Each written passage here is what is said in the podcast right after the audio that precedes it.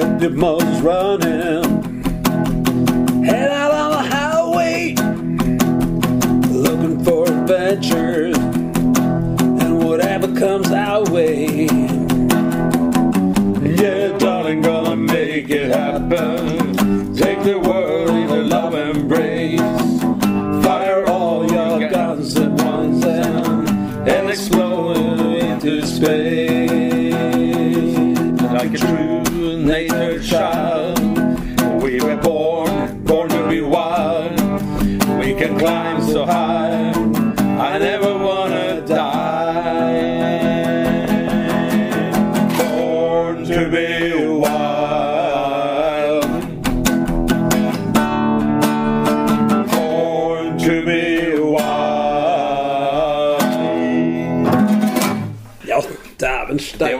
Gode, gamle Steppenwolf. Ja, det var hardt med gammel nylandsrenger.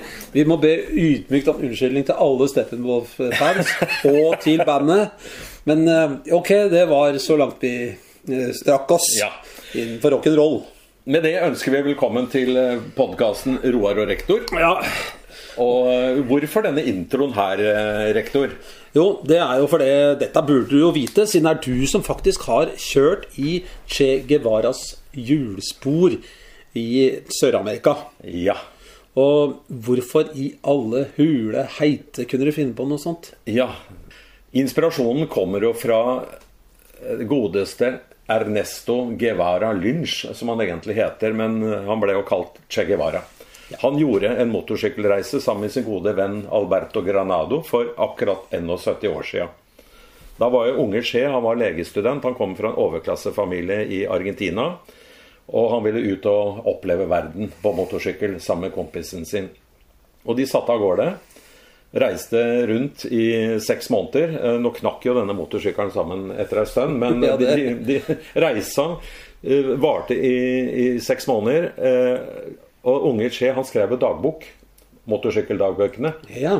Og den har blitt opphavet til en film som heter 'Motorsykkeldagbøkene'. Og den for å, liksom, for å klare å holde følge med deg her, så har jeg nettopp sett den filmen. Ja. Eh, Den var, eh, må jeg si, ganske, det var jo en to timer lang film. Ja. Og jeg syns de hadde fått med seg ganske mye av den eh, boka. De, de reiser jo hele den veien og planlegger og drar av gårde. Og de har ikke noe Altså, De har jo ikke noen politisk overbevisning da, når de Nei. drar. Så denne poden her skal jo handle litt om hva skjer når du drar av gårde på den måten. Ja, hva skjer, og hva skjedde med unge Che? Altså han, Du kan tenke deg overklassegutten som kommer fra en relativt velstående familie. Legger av sted i 1951 over det søramerikanske kontinentet. Starter i Argentina, kommer seg over Andesfjellene Ja. og, og, og ned til Chile-sida. herregud, de holder på å fryse i Ja, hjel. ja, ja, ja, det er jo snøstormer, og den, den motorsykkelen er jo ikke helt De, har brukt mye ståltråd underveis for å reparere denne Norton 500 som Ja. sykkelen var. da Ja. Eh, så han, han drar jo ut av denne reisa, og det han opplever underveis, endrer jo fyren. Denne Ja, ja. unge mannen, han er jo mottagelig for det han ser. Han ser fattigdommen. Han ser eh, hvordan indianerne og urbefolkningen blir behandla. Han ser hvordan gruvearbeiderne blir behandla. Det er jo store forskjeller på fattig og rik i Sør-Amerika. Særlig den gangen. Det er det jo fortsatt, men den gangen var det jo helt ekstremt. Eh, og de kommer jo blant annet eh, De har jo et formål. De skal jo besøke en leprakoloni i Peru. Ja. Men de har jo ikke fem flate ører. Hvordan greide de å komme seg fram her? De sånn? har snakketøy i orden. Ja, det- Og det viser seg at Che Guevara han er et eh, geni på det her å sjarmere folk. All, allerede den gangen så må han ha hatt veldig gode sånne overtalelsesevner. eh, Som sikkert kom til nytte den gangen han ble, et, et, noen år seinere ble leder av den cubanske revolusjonen sammen med Fidel Castro. Det kan hende. Jeg syns toppen av frekkhet det var jo da, de, da han gikk innom en, en eh, avisredaksjon. Ja. Eh, og serverte en eller annen røverhistorie om at de var leger. Eh, Og at de hadde behandla flere hundre personer Ja. på vei. ja, og de fikk en avisartikkel. Ja, Og den brukte de for alt det var verdt. Den viste de fram på alle steder hvor de trengte overnatting og mat. Ja, se her, dette gjør vi for hele Ja. Sør-Amerika. Ja. De var nemlig, nemlig innom da i en av de byene de kom til, eh, avisa El Austral. Den Ja, avisa eksisterer fortsatt. Ja. Og jeg har nemlig sett den der eh, artikkelen som en sånn faksimile. da. Mm.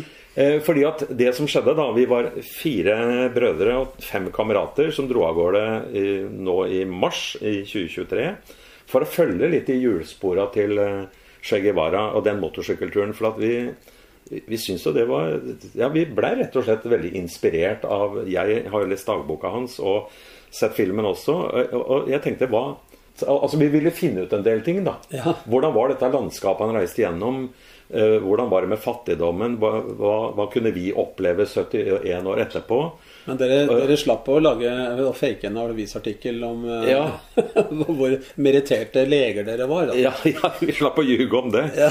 Eh, Men, men eh, det er helt klart at vi ble inspirert av, av hans reise. Og vi var innom fem av de byene hvor Che Guevara kjørte gjennom med motorsykkel. Eh, og, det, mm, og min jobb, da jeg, altså Vi hadde jo ulike arbeidsoppgaver på den turen. Min jobb var bl.a. å å komme med historiefortellingen om Che Guevara. Hva gjorde Che Guevara her? Hva opplevde han her? Og så. Og den første byen vi kom til, eh, den ligger i Argentina. Altså, vi, vi, vi er altså i den nordlige delen av Patagonia. Veldig grønt, flott, vakkert område. Jeg hadde forestilt meg Patagonia som sånn øde slettelandskap, men ikke den delen av Patagonia. Så, fra bildene du sendte, så så det jo nesten norsk ut. Det, det, er, det var som å kjøre rundt i Nord-Norge. Det var så grønt og frodig. Høye fjell, snø på fjelltoppene. Det var vann, det var elver. Og, og folk i de områdene hvor vi kjørte, relativt eh, OK levestandard, virka det som. Ja. Eh, men mye har sikkert endra seg på 71 år. Men eh, i, i og med at jeg skulle lese meg opp på Che Guevara på forhånd, så den første byen vi var i, eh, San Martin de los Andes, der er det til og med et Che Guevara-museum. Oi, et eget museum. Yes, og det er, det er litt spesielt. Han er det, er, det museet er bygd inn eh, der hvor han, eh, han og kompisen overnatta i en låve ei uke.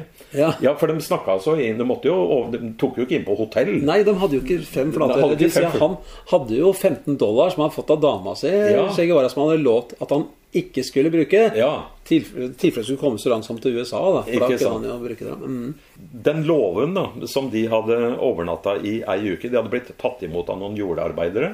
Snakka seg inn. De lå og sov i høyet. Det er i dag et Che Guevara-museum. Ja. Og der var jeg og snakka med en veldig entusiastisk dame som kunne levende fortelle uh, om uh, den uka de hadde hatt der da, i San Martin de los Andes, før de da reiste videre. Så vi, vi fikk fornemme på en måte litt av det landskapet eh, han hadde reist i, og hva slags type mennesker han kan ha møtt. Og, eh, men selvsagt eh, litt andre levekår i dag. Ja, det Helt klart. håper jeg da endelig. Det var en utrolig interessant reise, egentlig. Og en av mine oppgaver var bl.a. å finne ut av hva, hva betyr skjegget vara for folk i dag. Eh, husker de den? Eh, betyr noe for dem? Hater de den? Elsker de den? Osv. Jeg fikk veldig mange svar, avhengig av hvem jeg spurte. Eh, vi reiste jo rundt, da, og, det kan du være litt sånn på en litt overflat Du kan si det er litt overflatisk, men vi hadde på oss Che Guevara-T-skjorter. Dere turte det, da? Ja, vi turte det. Men jeg husker de to guidene. De var to chilenske guider som var med oss på turen, som kjørte motorsykkel sammen med oss, og, og følgebil. De, de sa De var litt grann skeptiske. 'Hallo, gutter. Jeg, vi er litt, grann, vær litt grann forsiktige med de, med de T-skjortene. Vi veit ikke hva slags folk vi kommer til å møte. Og vi, vi veit at Che Guevara er både elska og hata. Så for visse steder bør dere kneppe opp jakka.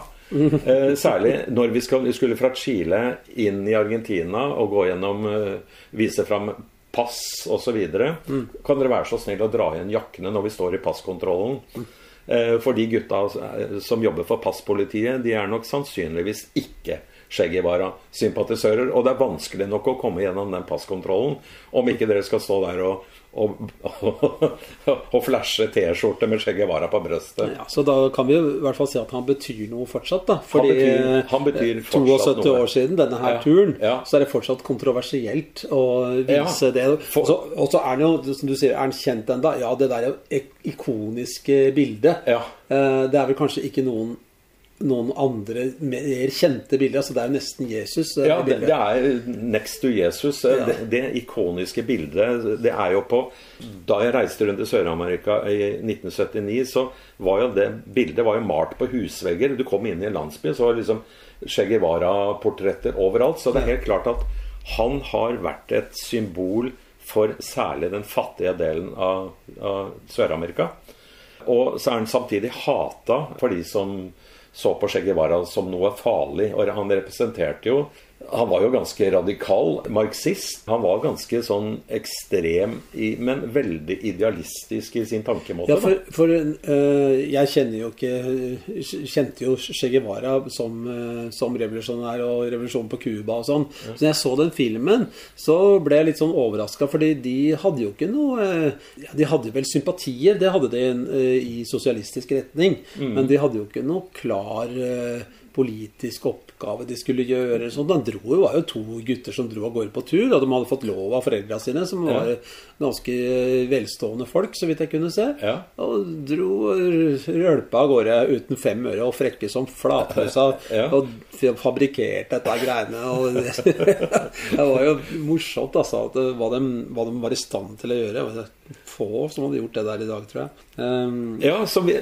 så, men det som er jo interessant, da, som er litt av grunnen til at vi snakker om Eller har dette temaet i poden, er hva kan en reise gjøre med folk?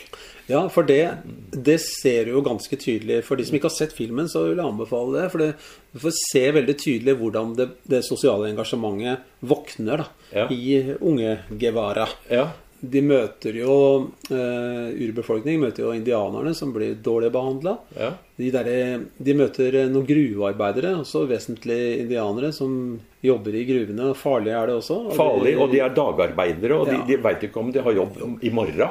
Så de gikk rundt, eh, som man ser i filmen, så går de rundt og bare plukker ut. Ja, du kan komme og jobbe. Nei, du ser for dårlig ut. Eh, Du ser bra ut. Du Ja. ser ganske sterk ut. Ikke du. Ja. Ja, eh, nådeløst. Ja, det er det. Og det, og det, det er helt klart at, at det skjer noe med begge gutta på veien. Og de, de kommer da til denne lepra-kolonien, hvor de lærer veldig mye om det her med å hvordan behandle mennesker med lepra. Og, og der, det, er, det er en rørende del av filmen, egentlig. Hvordan de Ja, det de- syns jeg. Og da ble jeg så overraska, for han hadde jo et veldig sterkt sånn humanistisk, eh, eller sånn legeetisk forhold til det han drev med. da. Mm. Og var jo veldig fin der i møte med, med pasientene og sånn. Og lepra, da, som var ganske fryktelig sykdom, men som de begynte å finne kur for allerede på slutten av 40-tallet. Men eh, sykdommen var jo veldig smittsom, sånn at folk var jo veldig redd for folk med lepra. Så de ble jo ofte isolert på øyer, eller de måtte, som vi ser i filmen, de måtte bo på den andre siden av elva. Mens de ansatte bodde på den andre ja, ene sida, ikke sant? Men, men eh, Che Guevara og kompisen de var jo fryktløse. De håndhilste jo til og med Ja, de det. eh, på folk som er, kan være ganske smittefarlige. Ja, og det var jo fordi de mente at eh, når, når behandlinga var i gang, så var det ikke smittefarlig lenger. Ja. Så de hadde jo tydeligvis kommet i gang med en form for behandling der. Mm. Så, og derfor så gikk de rett bort og hilste på folk. Det er en sjanse å ta. Ja, ja. Men det her syns jeg er et veldig sånn godt eksempel da, på hva som kan skje med et menneske som legger ut på en reise med åpent sinn. Ja. Hvis du, For her snakker vi ikke om chartertur og grisefest. Her snakker vi Sjøl om jeg har gjort det òg. Men, Ja, det men, men, så det, det var veldig interessant å følge i hjulsporene til Che Guevara og snakke med folk 72 år etterpå. Og hvordan de her T-skjortene som vi hadde på oss, hvordan det kunne utløse reaksjoner. For det utløste alltid en eller annen form for reaksjon. Vi var på, vi kunne sitte på en uterestaurant, og så, kunne vi begynne, så begynte folk å si Hæ, har du, du T-skjorte han, han var jo livsfarlig. Han var livsfarlig kommunist. Og andre så på han som han var jo mitt store idol, ikke sant?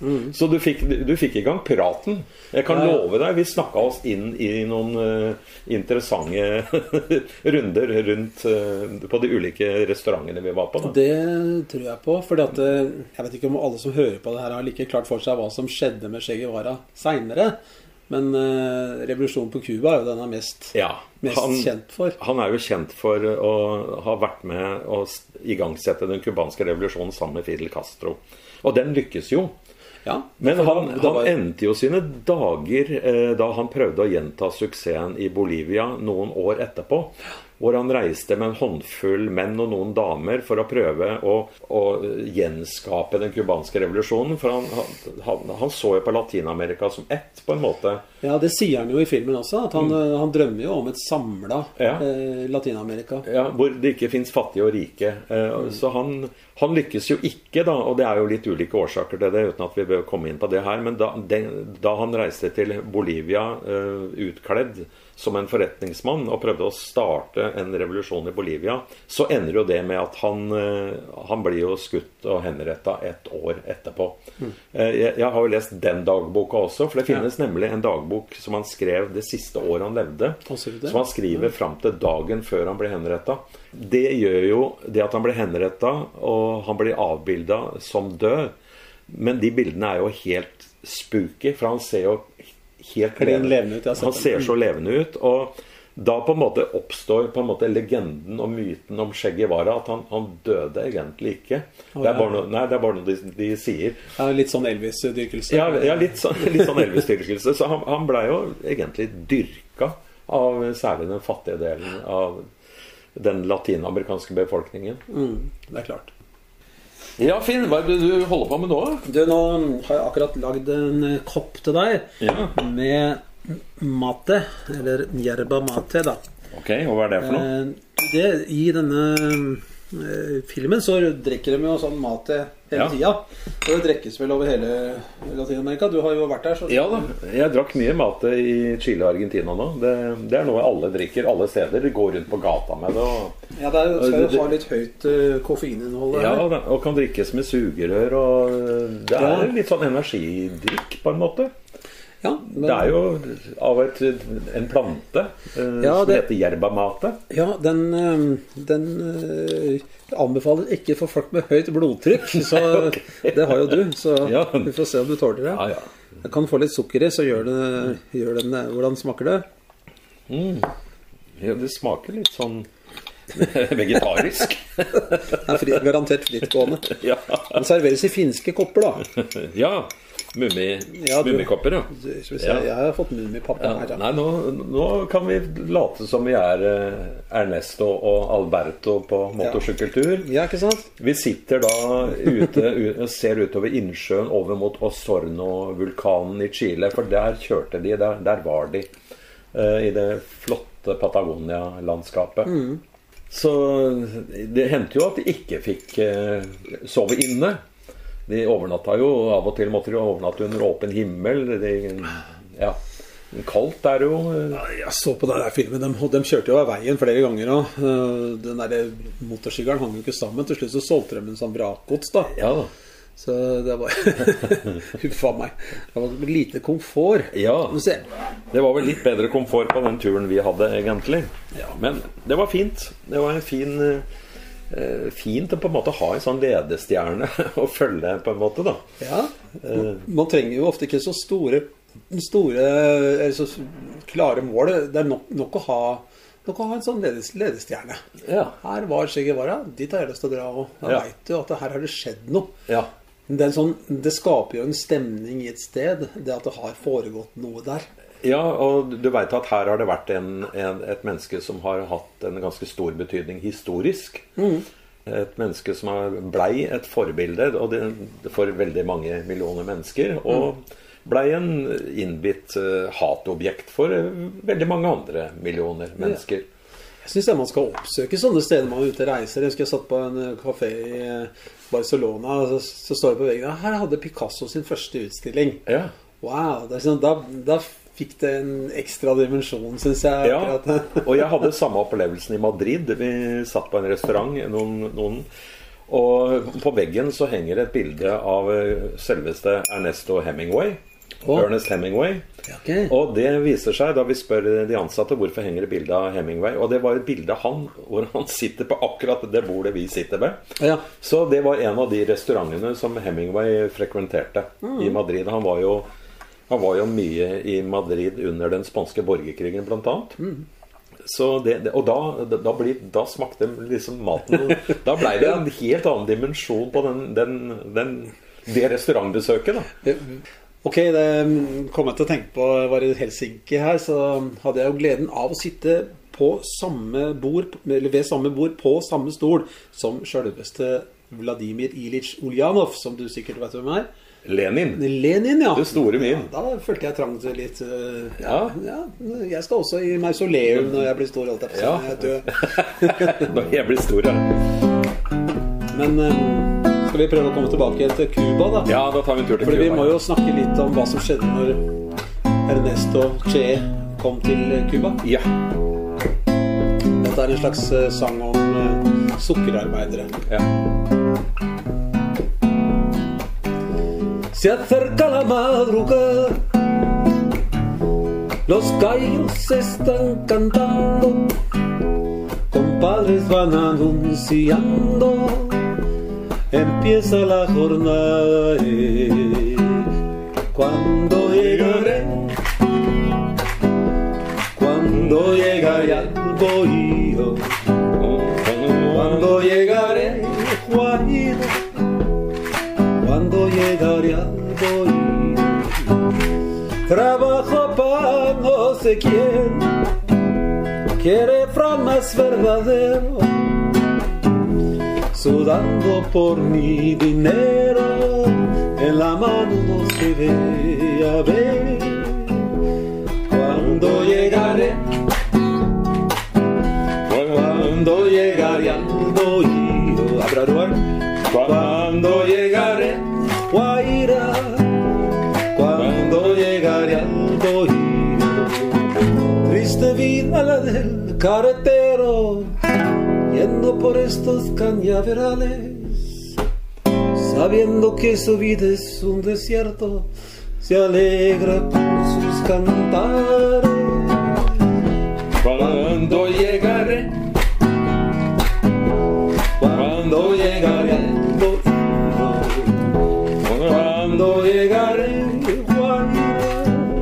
cuando llegaría tu boy. Fytti rakkeren, jeg er imponert over spanskkunnskapene dine, rektor. Ja, det, Det er jo jeg som snakker spansk. Det er jeg burde kunne teksten, men du jeg kan kan det. egentlig ikke snakke spansk. Det er bare at eh, jeg kan synge Du kan synge spansk. At det, det er så mye rare ting oppi huet mitt, så det renner ut. Ja. Ja. Vi veit at det er mye rart oppi huet ditt, men, slags men det er veldig flott at det renner ut mm. sånn. Ja, den Akkurat her. Ja. Denne veien. Ja.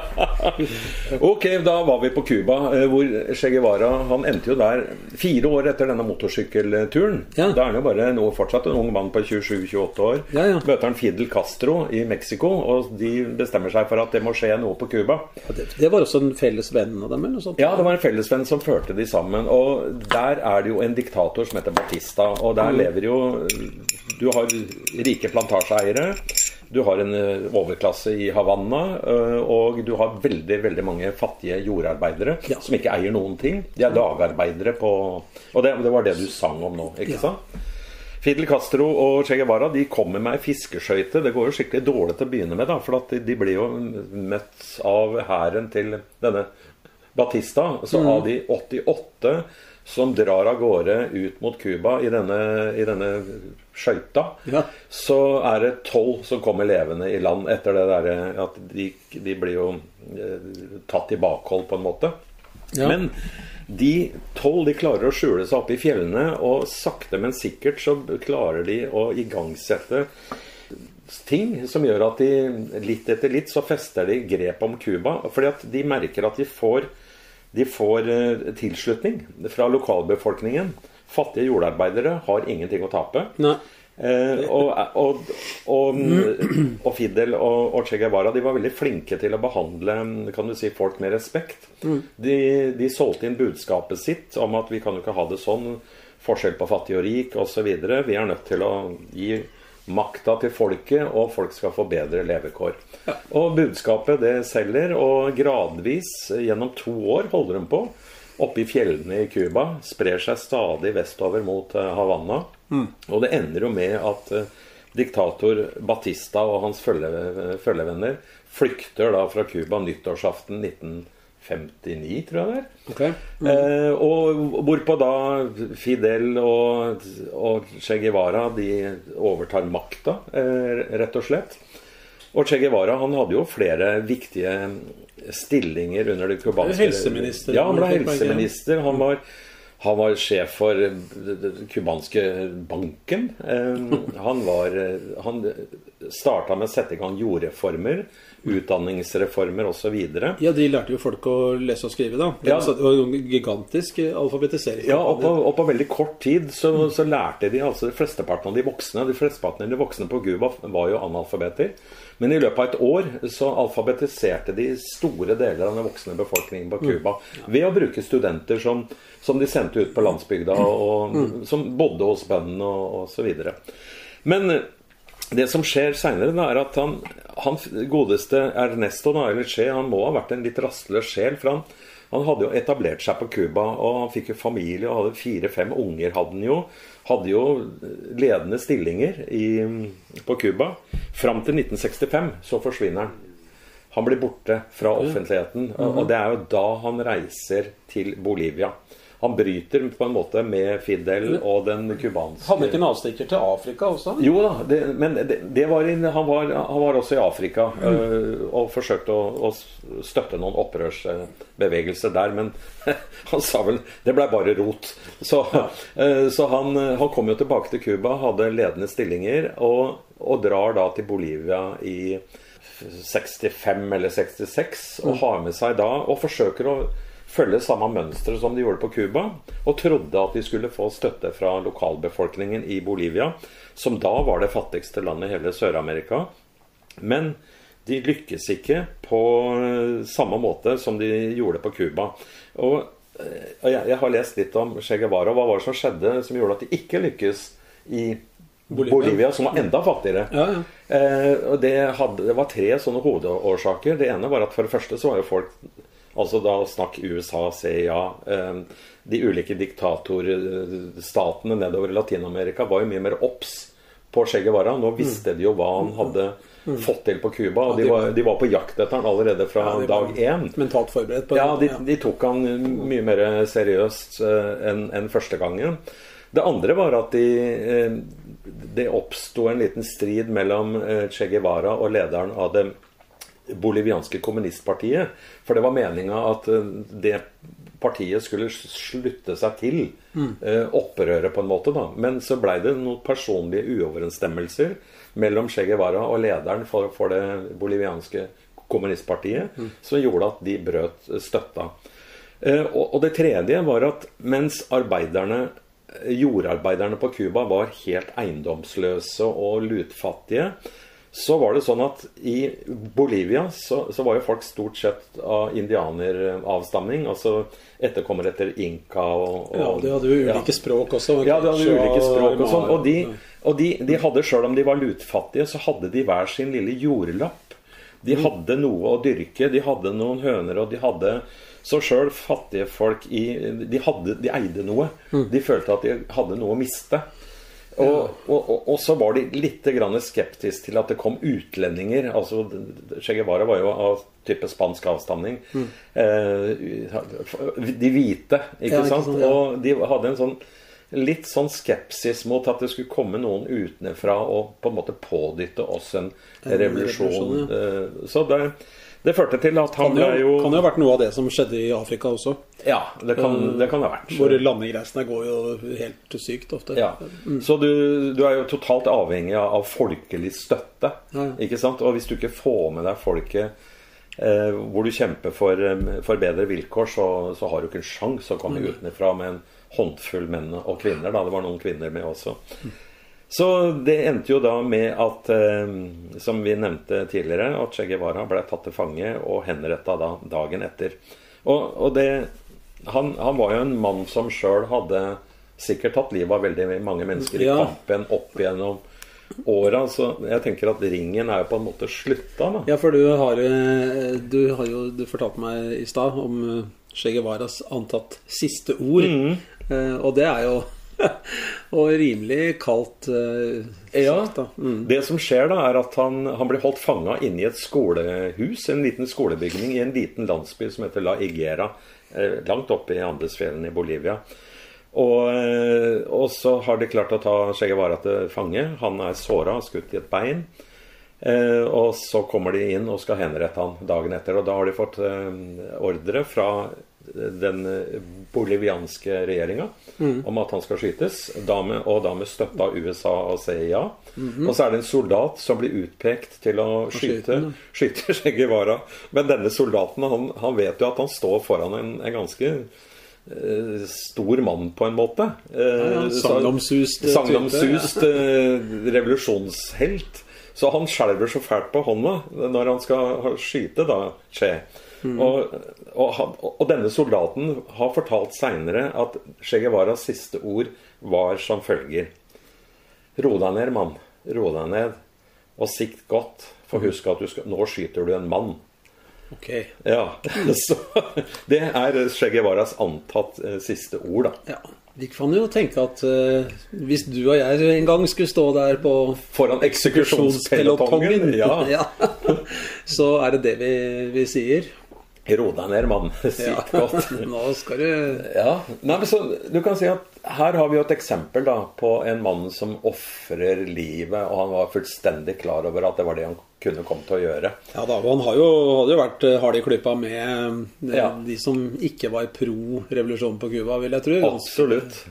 Ikke få han har eh, Nei, tatt. Så, så det, er jo ikke, det er ikke en søndagsskolegutt som eh, blir henretta da i 9.10.1967. Uh, og det, det, som er litt interessant, er at dette her er et halvt år før 68-generasjonen slår ut i full blomst. I mm. Paris-opprøret, hvor det på en måte spredde seg en stemning og en atmosfære og sånne lokale opprør rundt i hele verden.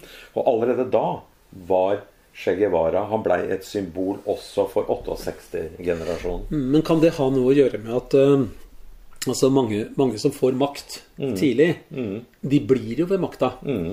De klorer seg fast, de skaffer seg privilegier. De, ja. blir, altså de, de blir sjuke i huet ja. fordi de, de, får for mye makt.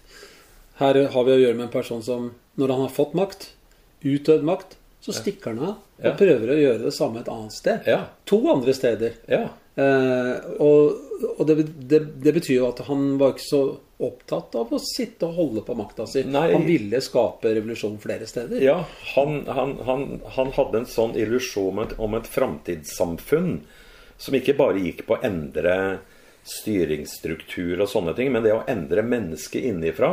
Ja. Han, han, sa bl.a. han var ganske sånn og veldig langt ute på venstresida, men han var også veldig idealistisk. da. Han han sa jo f.eks. da han var på statsbesøk i Moskva ja. i 1965, som jo på en måte støtta Cuba med penger og, og, og mye importerte sukker. Ja, det måtte de jo siden, det var, ja. siden USA hadde satt i gang den handelsblokaden. Ja, ikke sant? Men han klarer faktisk å erte på seg Moskva ved å si at dere har blitt byråkratiske og revisjonistiske, og det er et elendig system. Og så, så Fidel Castro måtte inn og rydde opp.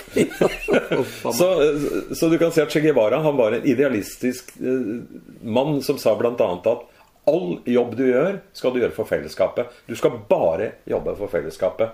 Så der kan du si dugnad i endte potens, altså. Ja, ja. Det er veldig høye, høye mål, da. Veldig Ja, høye ambisjoner, ambisjoner på vegne av seg sjøl og mennesker. Menneskeheten.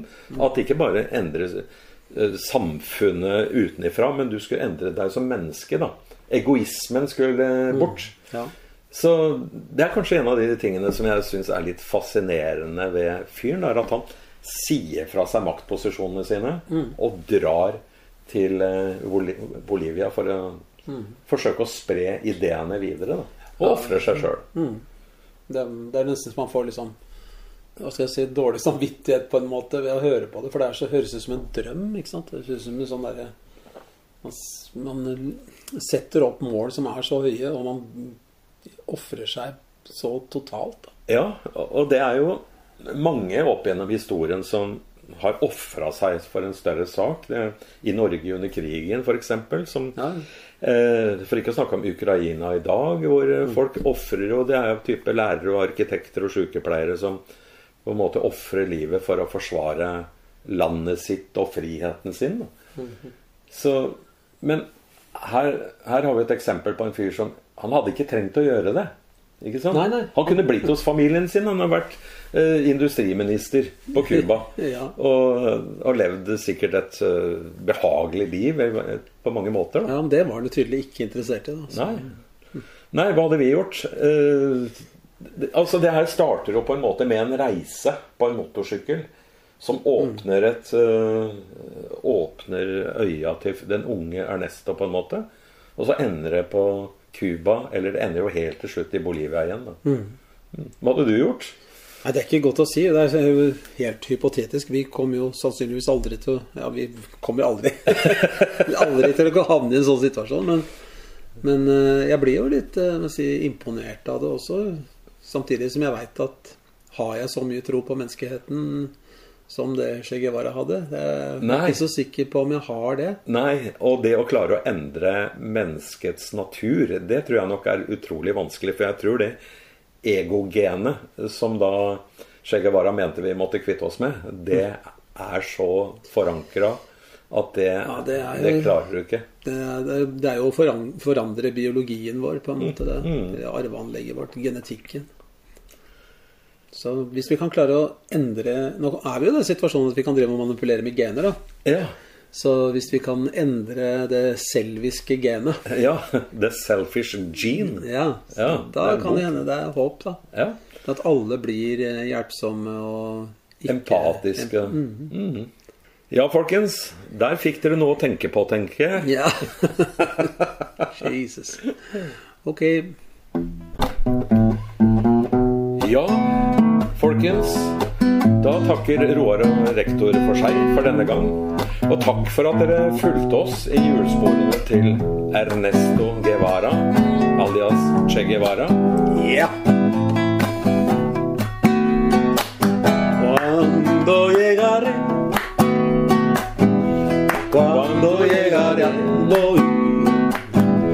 cuando llegaré a tu vida, cuando llegaré al